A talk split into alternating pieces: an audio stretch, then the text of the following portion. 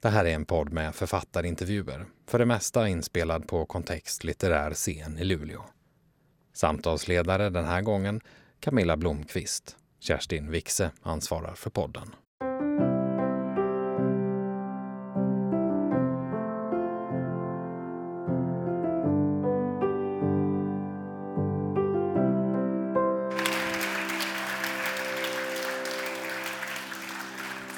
Ja, säsongens första kontext. Vad roligt att så många hittat hit. Och framför allt var jättekul att du är här, Mikael Yvesson. Varmt välkommen. Ja, tusen tack. Uppväxt på Björksgatan. Och din debutroman Häng City, som vi ska prata om idag, den skildrar ju med en smått otrolig känsla för tid och plats ett sommarlov i Luleå 1999. Men eh, när du skrev, då var du i Berlin, eller hur? Yes, books. Hur kom det sig då att du satt i den här storstan och började tänka på Midvinterstigen på Hertsön och villakvarteren i Björksgatan? Ja. Nej, jag, jag, tror att det var just det som var grejen. Alltså det, jag tror att det var det som gjorde att, att det där blev något väldigt intressant att resa tillbaka till. Att jag, att jag, blev, att jag blev långt ifrån det geografiskt och, och eh, vad säger man, kronologiskt.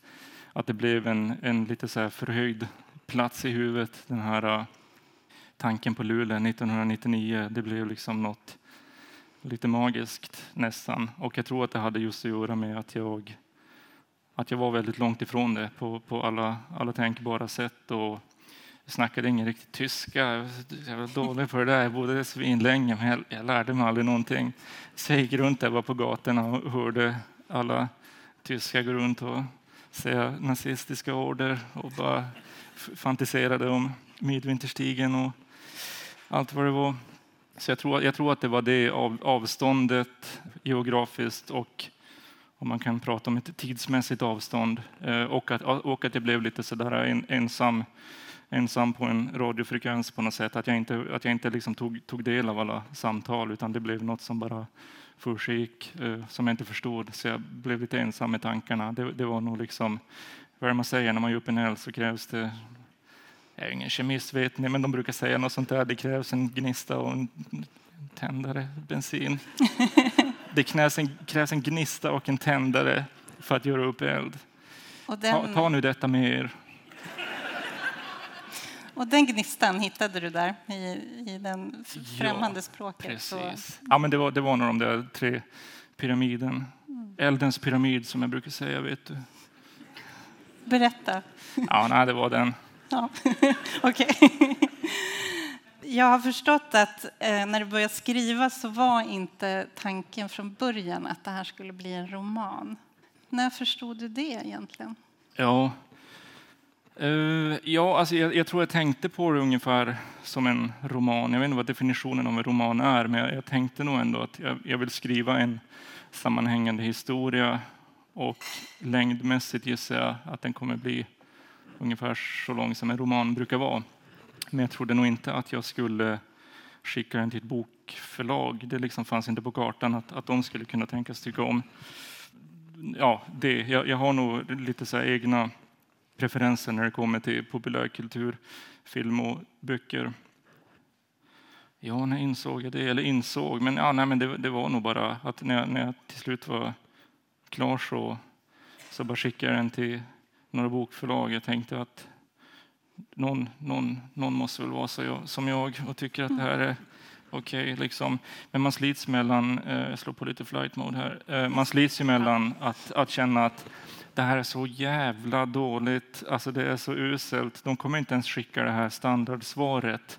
Tack men nej tack. De kommer bara, vad i helvete håller du på med? Vi är, jag, jag är arg för att jag har behövt lägga de här timmarna på att läsa det här. Du har helt missförstått å ena sidan så och å andra sidan bara, nej men det här kommer de tycka är det mest geniala som någon någonsin har skrivit. Den sorgliga sanningen är ju att man ofta är någonstans däremellan. Bara, lite kul ibland, men skriv något annat nästa gång vet jag. Men man kanske måste pendla mellan, i alla fall upp i det där geniala för att orka göra klart. Eller liksom. Jo, precis. Man, jo, exakt. Om man bara går runt och känner att det här är värdelöst, då hade man inte orkat. Man, det, det krävs liksom st- styng av hybris eller, ja, för att palla. Annars hade man väl bara hängt sig. Men du, en roman blev det ju. Den kom ut i fjol, 2022. Mhm. Eh, och förutom att den har liksom hyllats och lästs av massa läsare och kritiker har skrivit fina saker om den så har den också fått fina priser. Borås tidnings debutantpris och, och eh, Norrlands litteraturpris. Jag läste en intervju med dig inför det här där du bads beskriva boken och då sa du så här. Det handlar om tre pojkar, två 13-åringar och en 11-åring i Luleå 1999 som driver runt, snattar, eldar plast och röker cigg. Inte så mycket mer än det, tyvärr. Tyvärr. Står du för den här annat sätt. beskrivningen fortfarande? Eller? Jo, nej, men det får jag göra. Det där tyvärr är något jag återkommer till. Det är som något sätt att bara, jag vet inte, förlåt. Jag vet inte vad jag håller på med. Men jo, nej, men det är väl ungefär så. Jag har, jag har liksom beskrivit den så många gånger nu att de, de här orden har, jag bara hör mig själv rabbla det här, liksom, den där grejen du just läste upp. Men jag kommer ihåg att när jag började skriva och när jag började formulera det för mig själv, att det är det här jag vill skriva om, då tyckte jag att det var jättespännande. Liksom. En bok utan handling som bara är de här tre idioterna som driver runt och klirrar rutor och röker och allt tram, bara liksom lallar runt. Det tyckte jag kändes extremt kul. Jag bara kände att det här... Hade jag vetat att det fanns en sån här bok så hade jag velat läsa den. Men nu har jag liksom rabblat det där för mig själv så mycket när folk frågar vad den handlar om. Så att nu har jag liksom helt tappat. Nu börjar jag känna att det här låter ju så intressant. Eh, Men ja. för, för jag tänker nog att den ändå handlar om lite mer saker än det. Men eh, du kanske inte alls håller med. Vi, vi ska återkomma till det. Ja, right. jo, jo nej, men alltså, det, precis. Det finns ju... Nej, men alltså, exakt. Alltså, hela, hela poängen är väl just att det är hela ramberättelsen, intrigen. Det finns inte så mycket sånt just för att få plats med grejer som jag tycker är intressant. Som kanske inte alltid är en tydlig intrig, liksom att man, man ska följa de här dramaturgiska bågarna. Det, det kan jag ofta tycka är ganska trist. Utan Mm. att jag ville hålla de bitarna ganska liksom plain för, att- för att få plats med sånt som jag tycker är kul. Berättelsen den börjar hur som helst en måndag den 14 juni 1999. Sommarlovet står för dörren och berättarjaget är ensam hemma i villan på Björksgatan. Och eh, pappa är på någon slags charterresa. får man- Eh, på bordet så har det i alla fall funnits två 500-lappar och lite instruktioner med hur man ska stänga fönster när det regnar. Och, mm. Berättaren han tar sin skateboard och börjar bege sig mot Hertsön så småningom där kompisarna Jocke och Davve bor. Och det är då den här trion, Eh, berättaren Jocke och Davve som vi ska komma att följa genom boken. Berättaren och Davve är 13 år, som vi sa. Jocke är 11. Och eh, Jocke och Davve, de är ju på många sätt varandras motpoler. Vill du beskriva de här karaktärerna lite? Mm. Det är lite känsligt eftersom att jag vet att åtminstone Jocke är här och är ju tyvärr en riktig människa.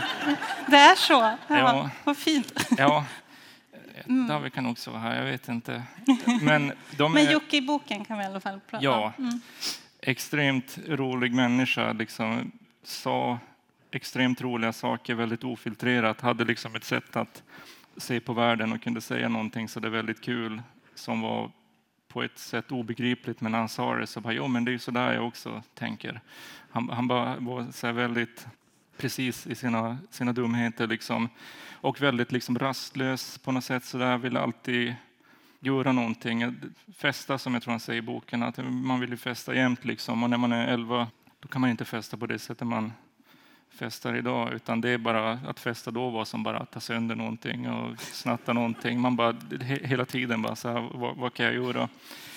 Davve var väl kanske lite mer vad ska man säga, rådig. Han fixade väl saker tror jag lite grann så på ett sätt som vi inte kunde. Att han, att han var lite mer liksom samlad, kunde i någon mån planera saker lite mer långsiktig, lite sådär, ja, hur ska man säga, varaktig i den mån en 13-åring kan vara det. Att det liksom, de, de, de två var nog lite grann ett batteri. Eh, och sen berättaren, eventuellt löst inspirerad av mig själv. Ja, någonstans däremellan kanske, jag vet inte riktigt. Mm. Svårt att beskriva sig själv. Du skriver fint att Jocke är liksom en, en person som man kan kan väcka mitt i natten och säga att vi går till Kalix och han bara yes, ja, ja, haka på. Ja. Eh, Medan Davve har liksom han ser alltid skeptisk ut. Ja, ja men kanske ja. sådär som jag minns det. Eller att han var lite mm. sådär uh, trött eller om man ska säga, eller så här uh, ville liksom bromsa saker och ting. Mm. Att bara, ja, men vad, fan, vad är poängen med det här? Att man liksom behövde kanske starta han på ett visst sätt. Liksom Jocke gick alltid på ettans växel, plattan i mattan. Mm. Man behövde bara liksom hitta en ny väg att ratta in på. Så mm. Och du är som självklar i det där när du pratar eh, om boken att, att jaget, det är, det är du. Typ, ja, i alla tyvärr. Ja.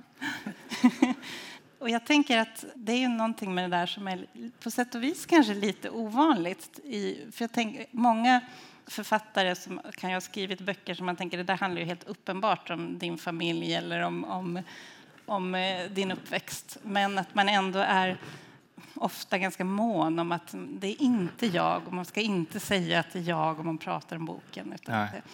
Men, men du har något slags okomplicerat förhållande till det där. Hur... Det var någon slags okunskap, trodde du skulle säga. Det hade varit helt nej, exakt det Nej, absolut inte. Men, men har, eh, har du funderat på det där någon gång under processen eller kändes det bara helt självklart att, att jag använder de här minnena om mig själv på det här sättet?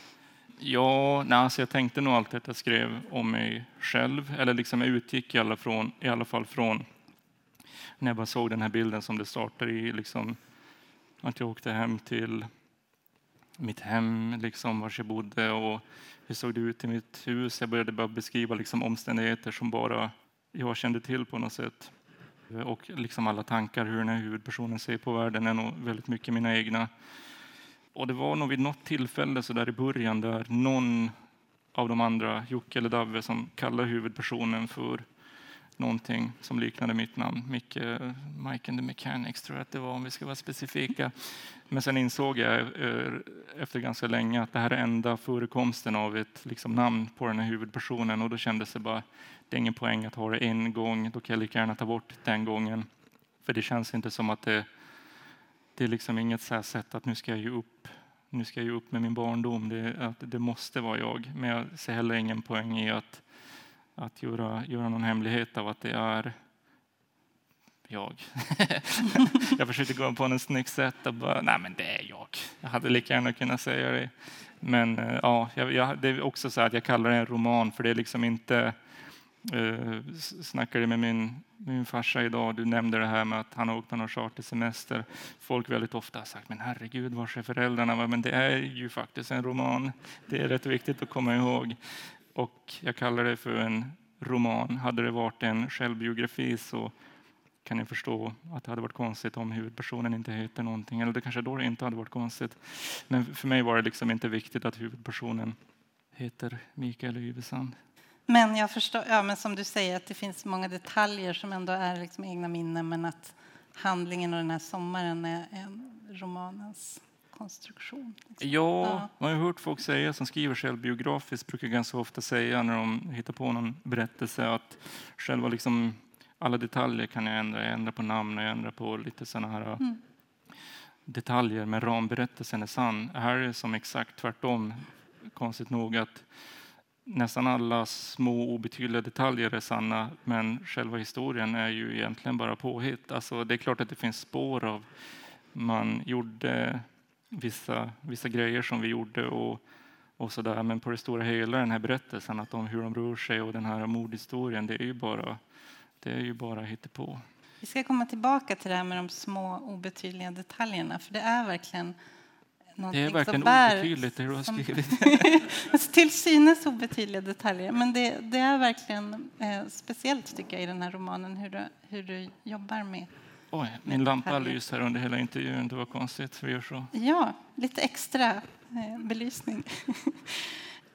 Jocke, Davve och berättaren, det är hur som helst en helt underbar trio att läsa om. Och jag tänkte att eh, du ska få läsa ett litet parti ur boken som ett exempel på hur det kan vara när det här gänget träffas och umgås. All right. Yes. Då tänker jag ju sidan 59 som jag Ja, tror du är förberedd. på. Mm. Kanon. All right. Davves farsa är på jobb i Gällivare och hans morsa är alltid borta, ibland i månader i sträck. Faktumet att man vid det här laget fortfarande inte riktigt förstått varför gör att vi inte frågar. Jocke hämtar stegen från sig, ställer den mot Davves garage och vi klättrar upp på taket.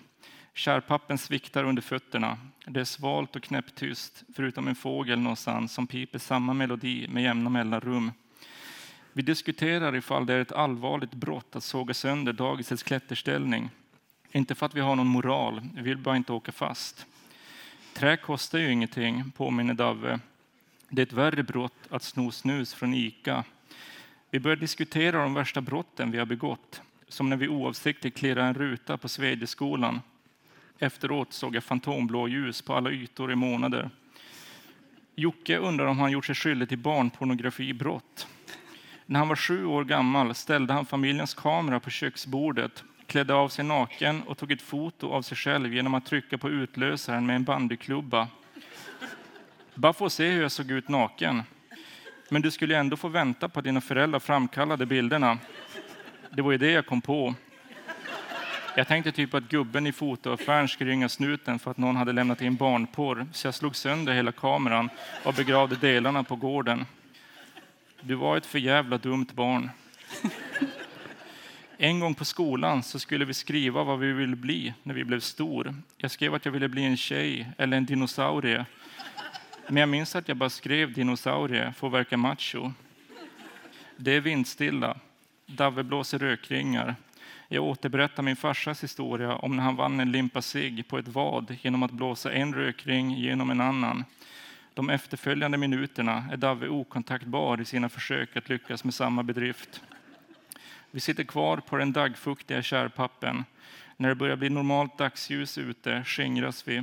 Jag cyklar hem till Björks i överexponerat dis. Trafikljusen knäpper där de byter färg.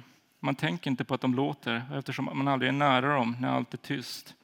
Jag trampar snabbare och känner tårar rida raka streck bak, mot tinningarna. Är jag snabb eller ledsen? Jag kommer hem och borstar tänderna i tio minuter för att kompensera för något. Karies eller ett hål i mitt hjärta. Vi inväntar resultaten. Mm, tack. Tack och bock.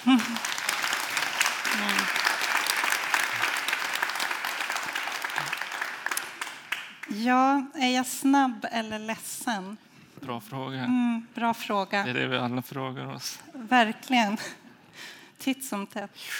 Det är en väldig kontrast i, med tempot i, i samvaron med Jocke och Davve och stillheten på något sätt när berättarjaget blir ensam.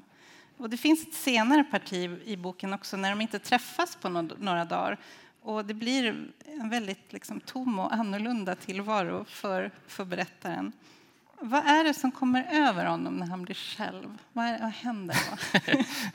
Ja, jag vet inte fan alltså. Det var, jag var nog lite sådär tungsint som ung, inte kanske lillgammal, men lite... Tidigt invecklad, tror jag det står någonstans. Ja, Ja. jag sa något sånt där. Jag var tidig i inväcklingen. Man pratar mycket så här, man var tidig i utvecklingen. Det var jag tyvärr inte. Jag var mycket sen i utvecklingen, men tidig i invecklingen.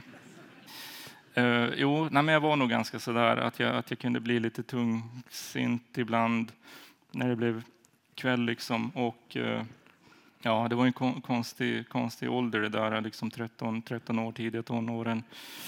Å ena sidan så, så var liksom ensamhet något väldigt, det var liksom fri, frihet att vara ensam. Men eh, det var också att det lika väldigt snabbt kunde slå över till att bara, då var man ett barn igen och, och allt var otroligt otäckt och konstigt och, och man fick en massa mörka tankar över sig. Så um, ja, det var väl det som hände när han blev ensam. Eh, mm. När Jockes familj åkte till, vars de nu åkte, jag de brukar åka till Ladrike. konstig plats. När de åkte till Ladrike, då var livet tungt. Ja, ja. Bedrövlig tillvaro. Mm.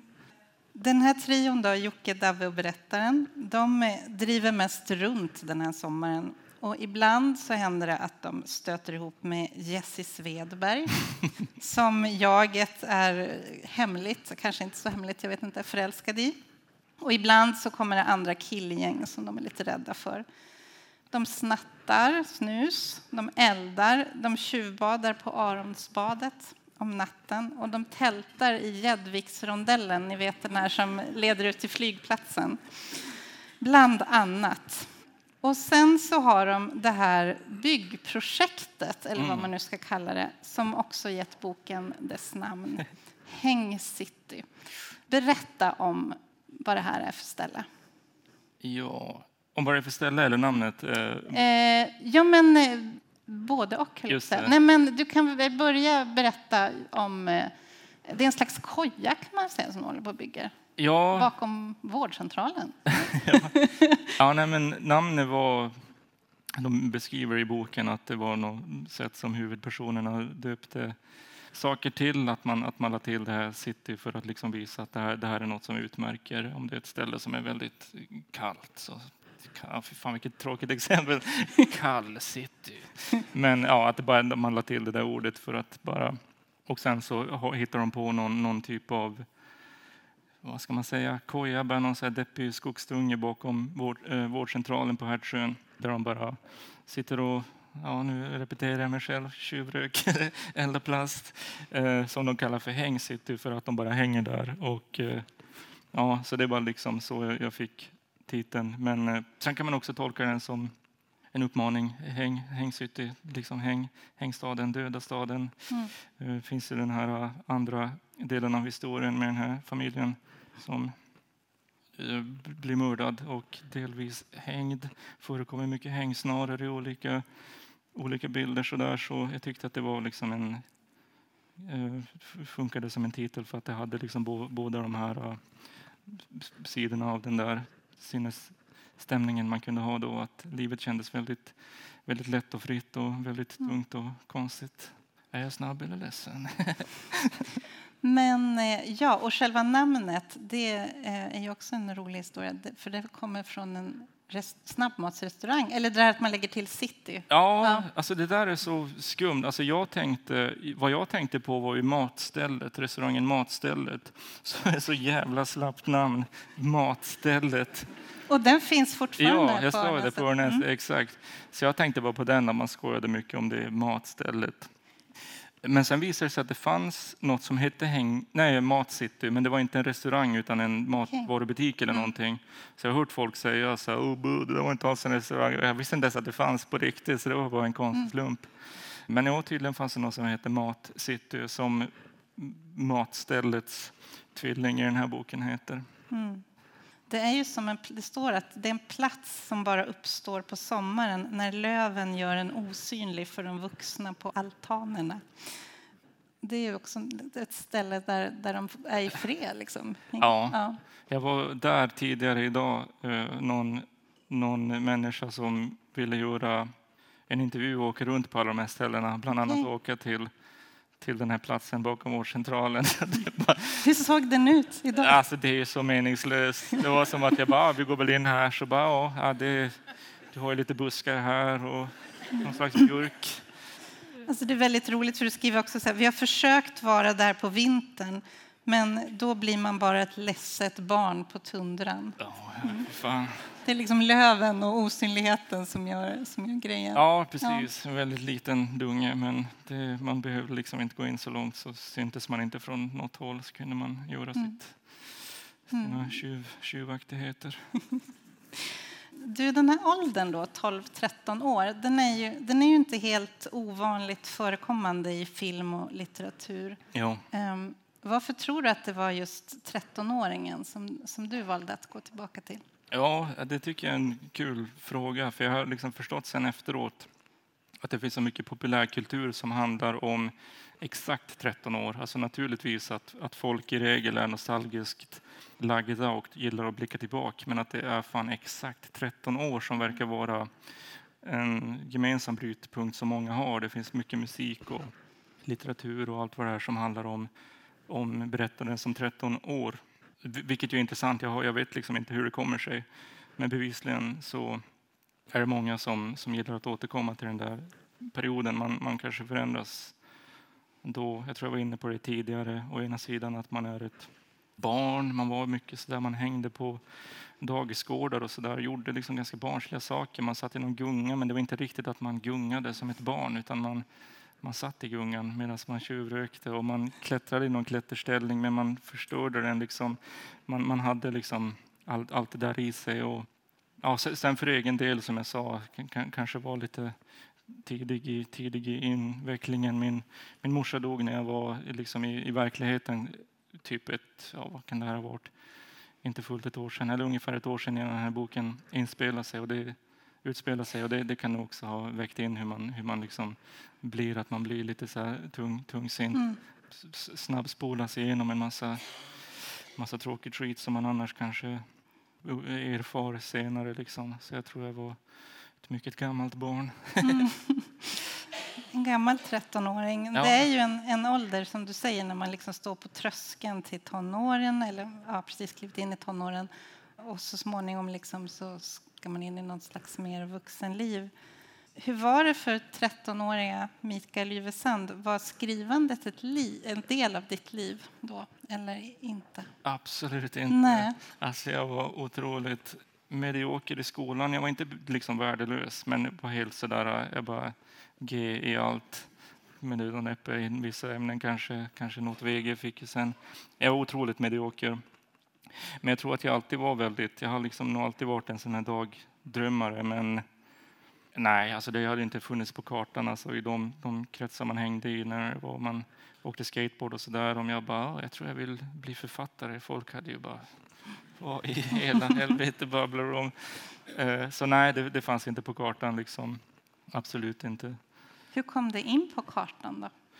Um, ja, ja, hur blev det så?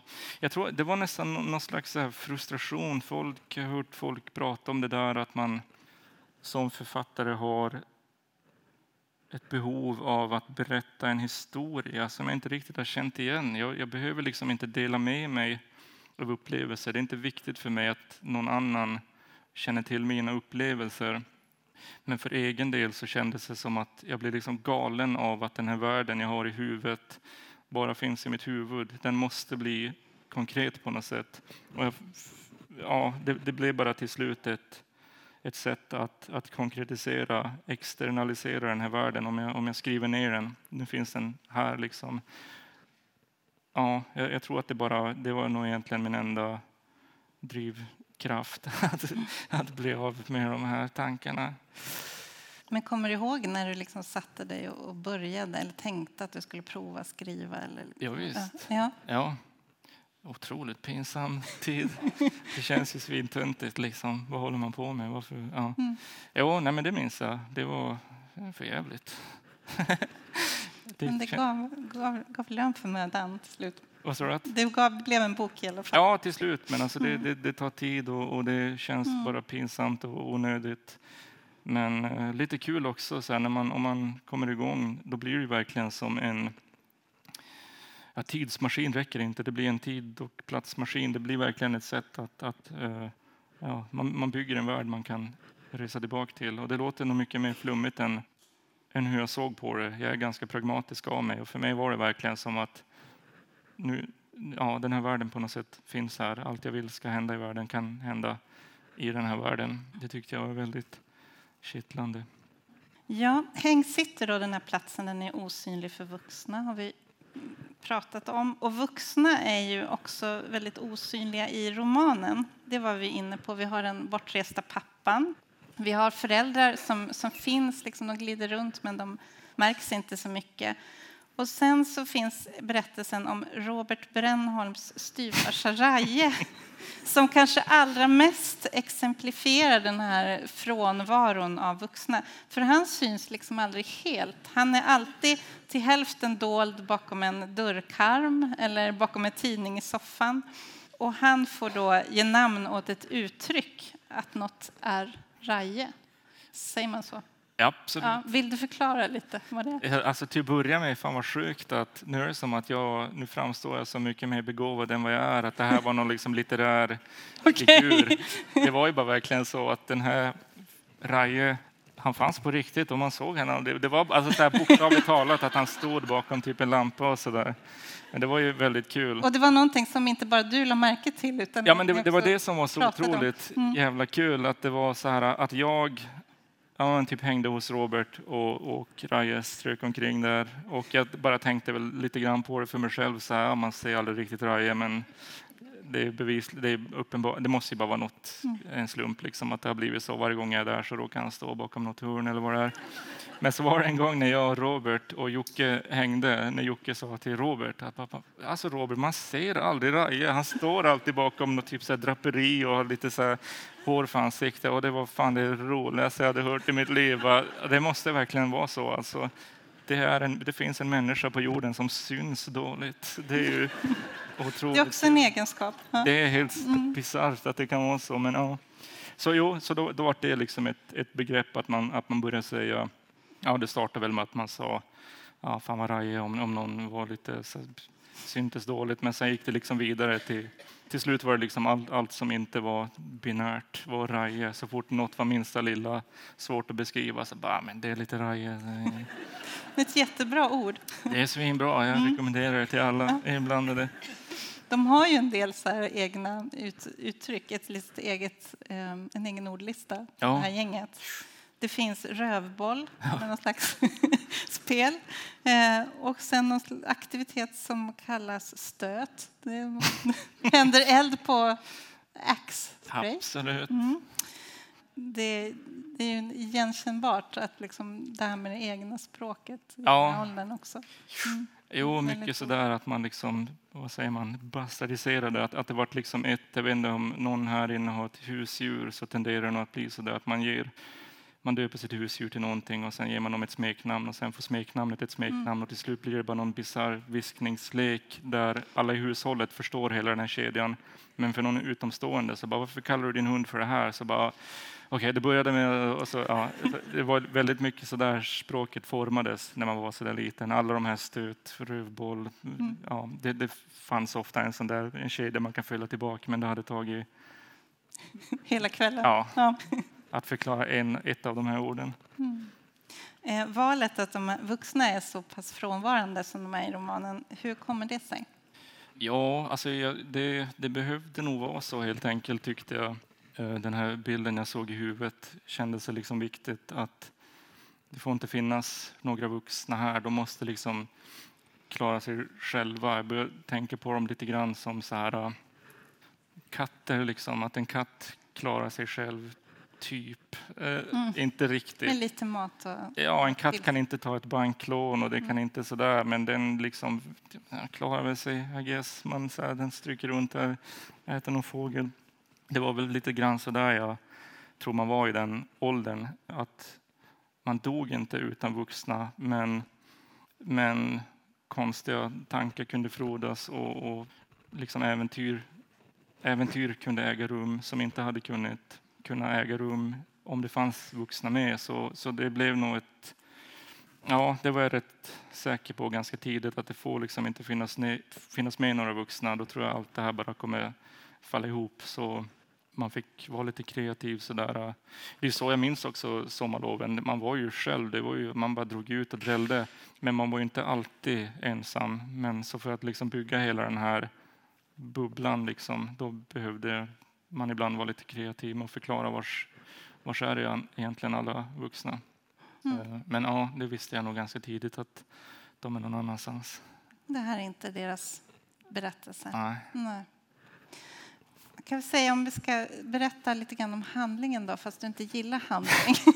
Men byggandet av eh, Häng City, det leder då i alla fall till att berättarjaget, eh, Jocke och Dave, de tar sig ut till Lövs Lövskär. Mm. De, de cyklar dit med en cykelkärra och ska skaffa mer virke till det här kojbygget.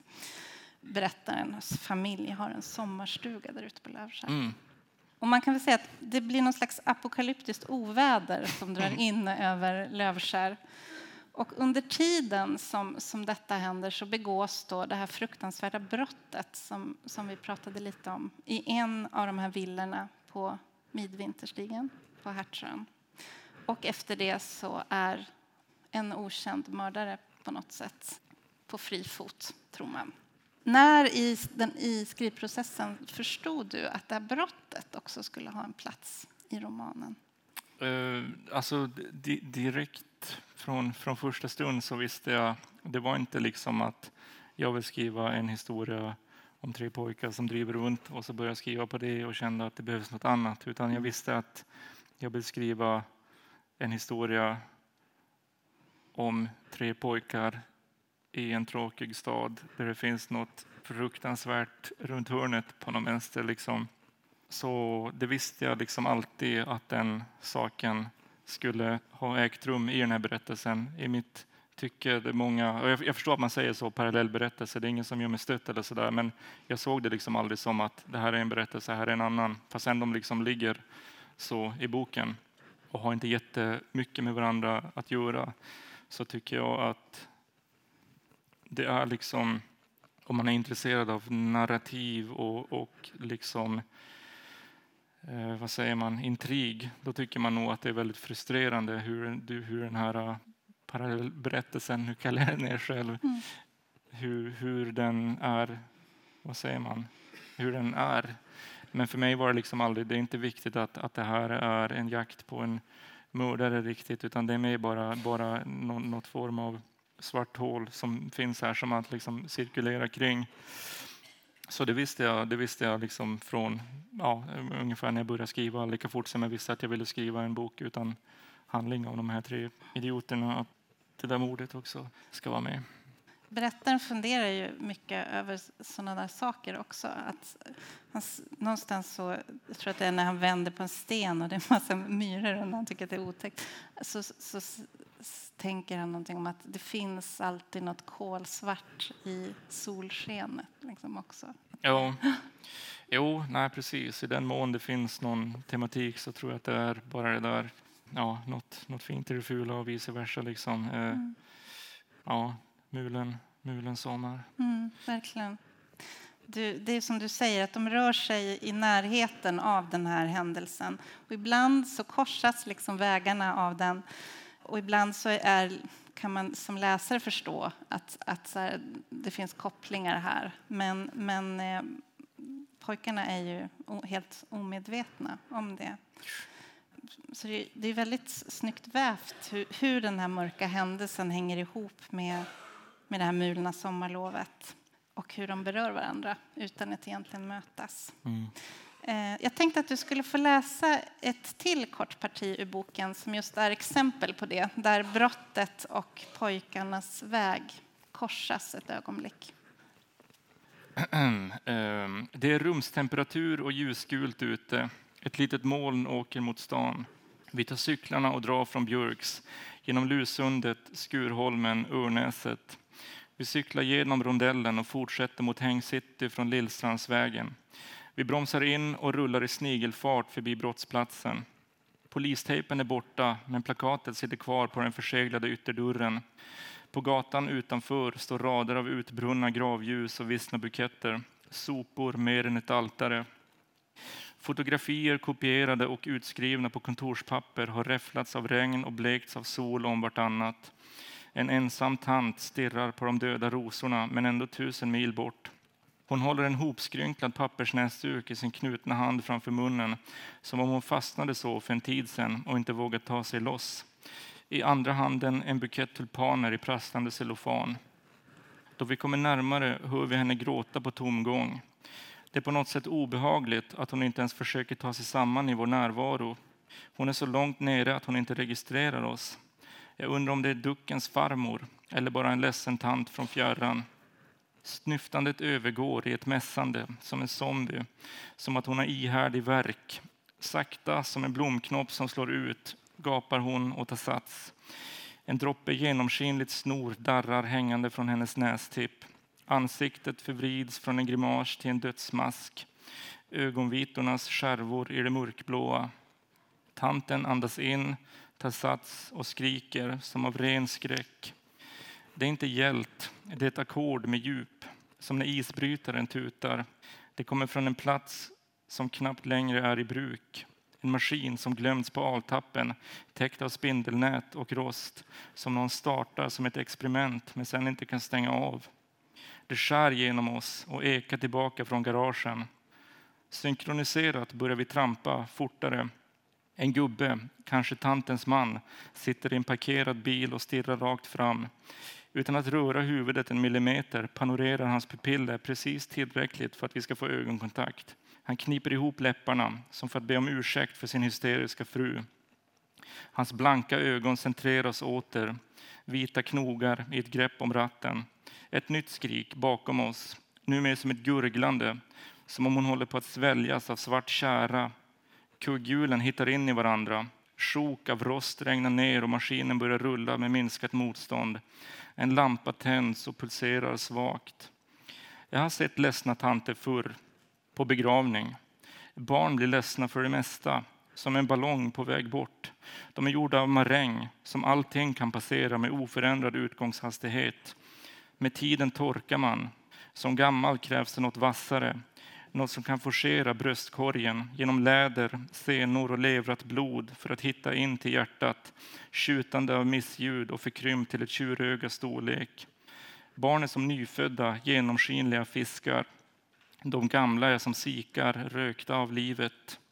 För att denna tant ska glömma sin blygsel och stå och roma ut sin sorg över midvinterstigen måste något sylvass ha träffat henne med armborst från ett skumt hörn av källaren. Det är på något sätt det här jag själv alltid har väntat på. Hur plötsligt en dag hjärtat ska implodera under vikten av all smuts det har ackumulerat eller genomborras av den stora sorgens virknål. Mm. mm.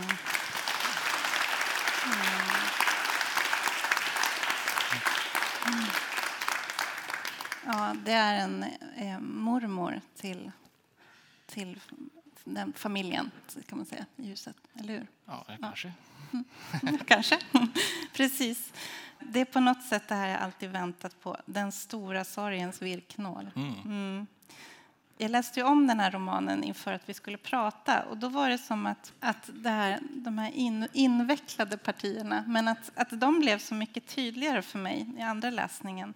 Att det, det finns en slags sorg och existentiella funderingar som sköljer över jaget han, han tänker någon gång att här, varje gång vardagen höjs till toppen så faller golvet under en, tänker den här 13-åringen. Vad tänker du om den här katastrofmedvetenheten han går runt och bär på mitt i sommar, sommarvärmen?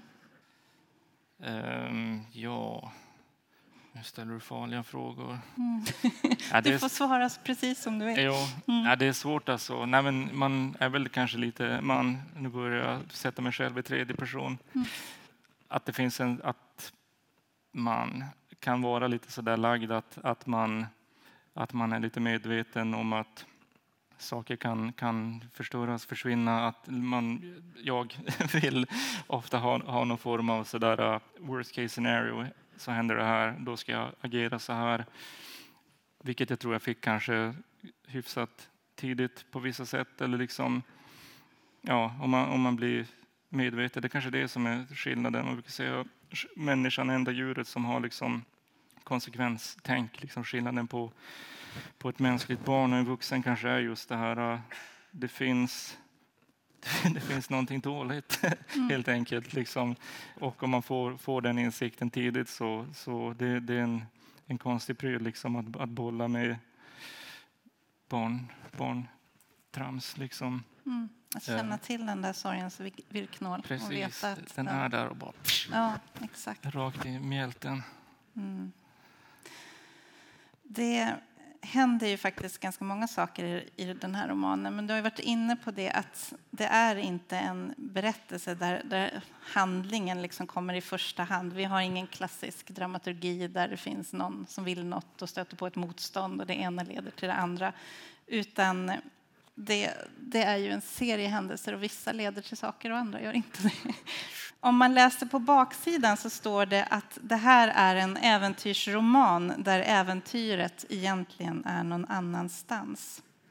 Du sa ju precis att du gillar inte handling. Vill du utveckla det lite grann? Jag hatar också den här baksidesexen. Ja. Jag tycker den är så otroligt dålig. Förlåt. Det, Det är inte jag du som fick har inte välja den. den. Nej. Nej. Ehm, ja, nej, jag gillar inte handling. Eller jag vet inte om det är rätt att säga så, men jag gillar inte åtminstone intrig, tror jag. Liksom. Den, här, den här grejen. Um, jag minns inte hur du uttryckte det, men ja, jag brukar alltid tänka på det här med, med att man ska liksom visa varför en person är på ett visst sätt. Ja, men det har hänt någonting i Camillas barndom, så därför måste hon bevisa det här. Det här är hennes mål långsiktigt, men på vägen händer det konfronteras hon med olika hinder och hennes vän visar sig vara en fiende men kanske blir en vän igen. Det, det, jag, jag tycker det där är väldigt tröttsamt ibland. Liksom. Eller jag är väldigt ointresserad av relationer. Jag har liksom inte svårt att intellektuellt acceptera att människan är komplicerad, hjärnan är komplicerad. Att för mig liksom att en människa blir seriemördare är inte mer komplicerat än att någon Rösta på Moderaterna. Det är konstigt. Jag inte. Men det är liksom bara så här, det, jag, jag har inget behov av att förstå vilka synapser har kopplats ihop i vilken ordning för att det här blev resultatet. Jag kan bara acceptera att ondska finns. Eh, eh, det behöver liksom inte gå djupare till botten än så. Nu har jag glömt vår fråga. Jag frågade om du ville prata, berätta varför du inte gillar handling. Just det, Ja. precis. Mm. Så det där med att liksom börja så här, gräva ner sig i karaktärer och personer och relationer tycker jag är liksom det är som att, det är som drömtyda eller liksom hälla så här tenn i vatten. Och vad ser det här ut som? Fan vet jag, något skit. Bara här, det är helt ointressant för mig. Det är, bara, det, det är nästan bara slump på något sätt. Så mänskliga relationer tycker jag är svintrist. Men jag är väldigt intresserad av platser, adresser. Och ändå har du väldigt dåligt lokalsinne. Här. Jo, det kanske hänger ihop. Det, det är liksom, jag är fascinerad av det här i mina studier av platser. Jag tyckte det var lite fascinerande när jag läste att, att jag ser verkligen en slags Lulekarta på väggen och så, här, hur, de, hur de åker. Den är otroligt liksom, mycket geografi. Ja, men absolut. Det, det blev... ehm, jag vet inte om du har läst uh, Utvandrarna-böckerna, Vilhelm Moberg. I den sista boken där när han sitter och liksom följer sin kartan över sin hembygd liksom, och följer alla de här stigarna han gick som barn och den här världen börjar liksom rulla, rullas ut för honom. Det var på något sätt min arbetsmetod lite grann från det här. Att det utgick ifrån någon romantiserad eller delvis fantiserad bild av min barndom men som jag ändå liksom försökte få kläm på. Hur, hur, hur, hur såg den här platsen faktiskt ut? Liksom hur, hur hängde den här gatan ihop med den här gatan och vad, vad hette de här gatorna? Det var inte att man alltid visste det. Vi ses på bla bla bla vägen utan man bara vi ses på den där vägen vid den där pedofilen. Typ, bara- så konstiga saker. Så, så det var liksom ett sätt att, att eh, Ja, jag vet inte. Det, det var liksom viktigt på något sätt att, att det hängde ihop, att det var logiskt för mig. Men jag tror för en läsare är det nog helt skitsamma. Typ så här, i, I dialogen är det väldigt ofta att jag bara struntade i det här med bla bla bla, fråga Jocke, hm, hm, svara Dave. Man vet inte vem som säger vad ibland och det, det, här, det spelar ingen roll för mig. Men att platserna kunde vara svinviktigt. Eh, Ja, jag vet inte varför. Och det liksom, jag förstår att det inte är viktigt för en läsare. Jag tycker inte att det ja, det är nog inte så viktigt egentligen, men det blev liksom viktigt hur det där häng, hängde ihop för mig. Att liksom brodera ut något form av spindelnät. Ja, Broderar man vi är i detaljerna där igen. Liksom. Det, de är inte obetydliga. Nej, Nej. jag tycker det. det är, i, brist på annat så är det där jag har liksom lagt mitt fokus. Men eh, oavsett eh, dramaturgi och handling så finns det ju då, det är ju en, en, en väv av berättelser. Vissa får konsekvenser och andra inte. Men det kommer att bli så att Häng City får besök av brandkåren. Jaget, Jocke och Dave flyr då igen till Lövskär. Och till sist hamnar de på ön Altappen här ute. Just det. Där de har en mycket märklig vistelse utan ordentliga kläder och mat. De försöker grilla en liten abborre och de ställs inför tillvarons märklighet när de mitt i skogen hittar ett badkar med en ugnsform fyllt med kondomer. en väldigt rolig scen. Men slutligen så kommer de tillbaka till Hertsön igen, Ja. kan vi säga. Man anar att sommarlovet närmar sig sitt slut och du beskriver det väldigt fint. Det är något lite vemodigt i luften, som att jag just begravt en grillbrikett på stranden och ska åka hem och påbörja hösten. Ni vet hur det är när man begraver en grillbrikett Ja. på stranden. Det, det finns en sorg i det. Absolut. Ja, eh, och vi ska väl inte direkt avslöja hur det hela slutar. Det var bra. Jag har förstått att det här slutet Slutet kan... vattendelare. Ja, Men jag gillar ju att dela vatten, som Moses. precis. Ja, man, man kan läsa slutet flera gånger och eh, fundera över det. Men eh, vi, vi sparar det så får ni, ni som inte har läst får, får upptäcka den. Eh, men det man kanske ändå kan säga är väl att Jocke och Dave ska komma att försvinna på ett lite överraskande sätt. Och jag tänker att man kan nog ana att när sommarlovet är slut så kanske även den här trion har upplösts på något sätt. Eller att det finns liksom en, en framtid där de går åt olika håll. Och någon, någonstans, ja precis, vet inte. Någonstans i boken så skriver du att folk kanske försvinner om man inte tänker på dem. Som att rensa ut gamla kläder man glömt bort. Har skrivandet fått dig att minnas något eller någon om du, som hade varit försvunnet eller försvunnen innan du började skriva? Jo, jättemycket. Det, det, blir, ju- det blir ju någon form av kedje, vad säger man, kedjereaktion. Liksom. Jag, tror nästan alla hade kunnat göra det där. Att man, man bara börjar, eller inte alltid, men ibland kan man liksom hitta rätt kedja. Om man liksom minns en tid och en plats så kan man minnas hur hamnade jag på den här platsen. Så kan det liksom plötsligt börja rullas upp en massa saker som man, som man trodde sig ha glömt. Ibland snackar man med någon och säger ja, men minns du han? Och man bara jo, fan det gör jag ju nu när du säger det. Eh, och för mig var det nog mycket det här att titta på de här gamla karttjänsterna, Google Maps och sådär. Det, det var nog, eh, för för det var ingen jag hade som jag kunde sitta och snacka med om allt det här, utan det blev nog att faktiskt titta på de där platserna så såg man någon liten detalj att jag mindes att det här bara var en skogsdunge, men just ja, det fanns också en lyktstolpe som var böjd och den brukar vi kicka omkull. Och, ja, jag vet inte vad det var, men så här, ja, så jo, det är ver- verkligen här kommer jag att tänka på saker som jag trodde man hade glömt. Sådär. Det kom nya minnen också av att, Ja, att skriva. det Mm. skulle jag säga. Eller nya, jag vet inte hur definierar man ett nytt minne, men eh, ja, jo, ja, men nya minnen, I guess, precis. Saker som, som bara liksom, ah, just det, så där var det. Det finns en rolig scen i boken som jag, som jag bara hajade till, för jag hade precis samma minne.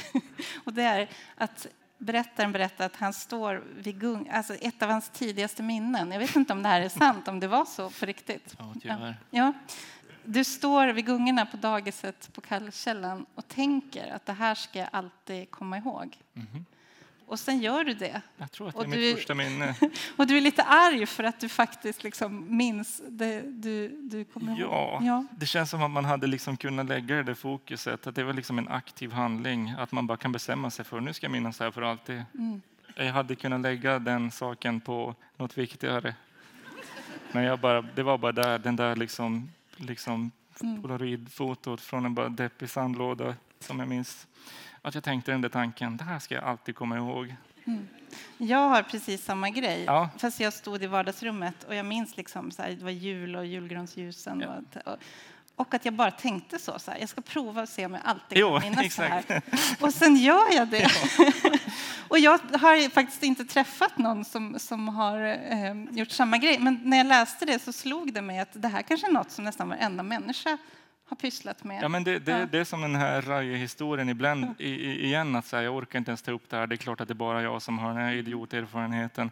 Men jag tror att det är många som har idiotiska erfarenheter. Mm. jo, absolut. Ja, precis där var det för mig med.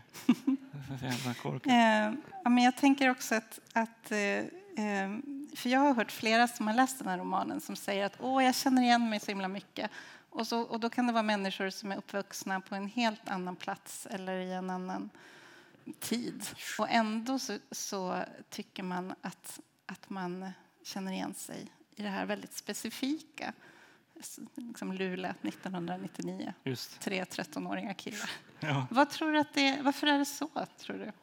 Jag, jag tror att det är paradoxalt nog ibland detaljerna som gör allmängiltigheten. Att det är nog lätt att tänka så här, okej nu ska jag skriva, om vi tar det som exempel, nu ska jag skriva någonting som många kommer känna igen. Då ska jag använda få detaljer. Jag ska inte skriva om stålverket och äppelträdet på Jockes gård. Jag ska bara liksom försöka vara bara helt generisk. Men jag tror, att, jag tror att det är de här detaljerna som gör att folk inte behöver minnas, liksom, jo, det fanns också ett stålverk och ett äppelträd i min stad, utan att bara sätta den där känslan, kanske nästan beskriva sina känslor kring stålverket och äppelträdet som, som kan göra att man, man förstår platsen och tiden väldigt bra. Och om man får en läsare att förstå detta så börjar de nog själv snurra iväg tillbaka och inåt och vars man nu tar vägen och hitta sina egna erfarenheter och där blir det nog någonting universellt.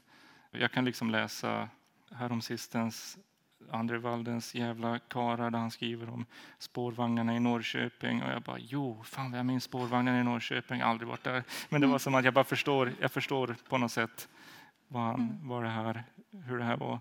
Så man ska nog inte vara rädd för att vara specifik. Nej, det är där det allmängiltiga finns. Ja, paradoxalt nog tror jag det eh, faktiskt. Och apropå detaljer så är de inte så obetydliga. Nej, Nej, det är där vi möts. Ja, när du började skriva så tänkte du att det här visste inte du att det här skulle bli en bok eller det var inte det, var inte det som, som du såg framför dig.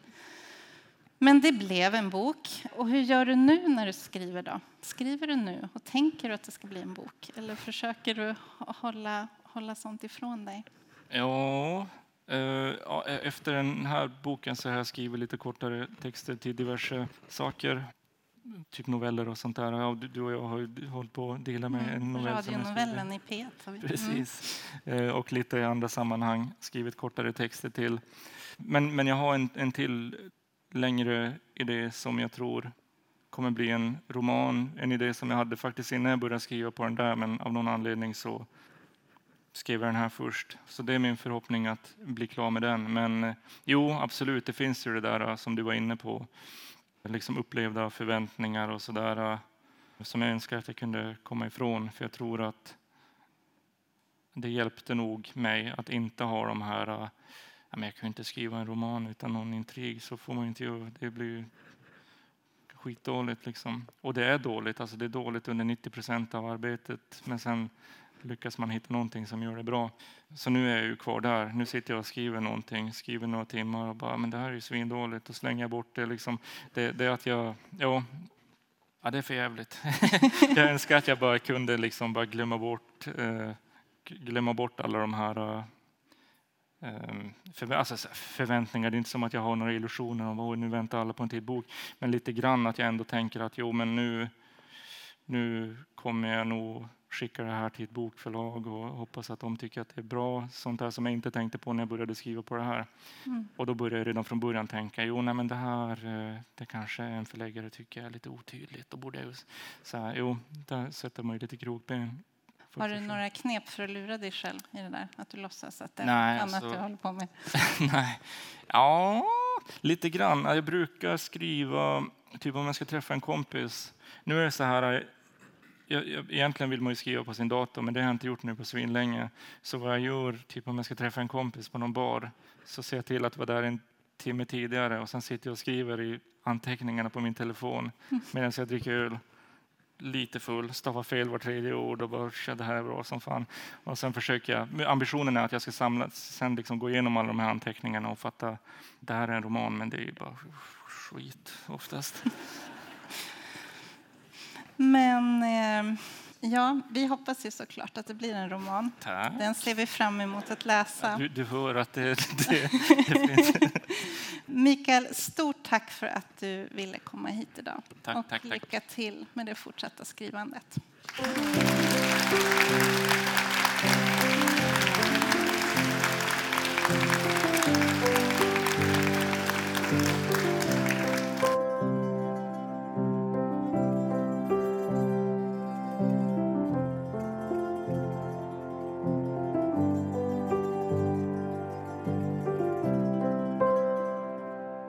Kontext Podcast produceras i samarbete med Kontext, litterär scen i Luleå.